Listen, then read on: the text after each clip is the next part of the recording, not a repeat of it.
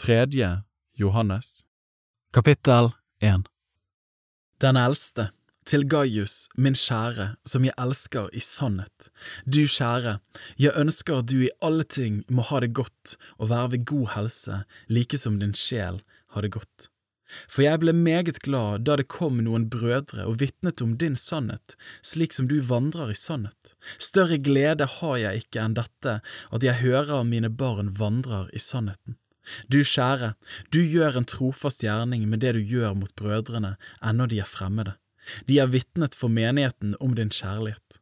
Du gjør vel med å hjelpe dem på vei slik det er verdig for Gud.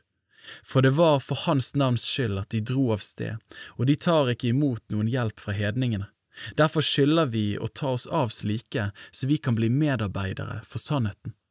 Jeg har skrevet noe til menigheten, men Diotrefes, som gjerne vil være den fremste blant dem, tar ikke imot oss.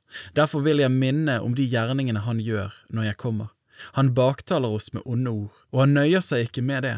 Selv tar han ikke imot brødrene, og dem som vil gjøre det, hindrer han i det og støter dem ut av menigheten.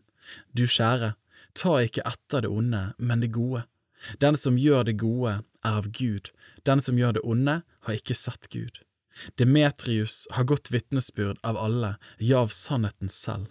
Også vi gir ham godt vitnesbyrd, og du vet at vårt vitnesbyrd er sant. Jeg kunne ha mye å skrive til deg, men jeg vil ikke skrive det til deg med penn og blekk. Men jeg håper at jeg snart skal få se deg, og da skal vi tale sammen muntlig. Fred være med deg. Verne hilser deg. Hils vennene, hver enkelt av dem ved navn.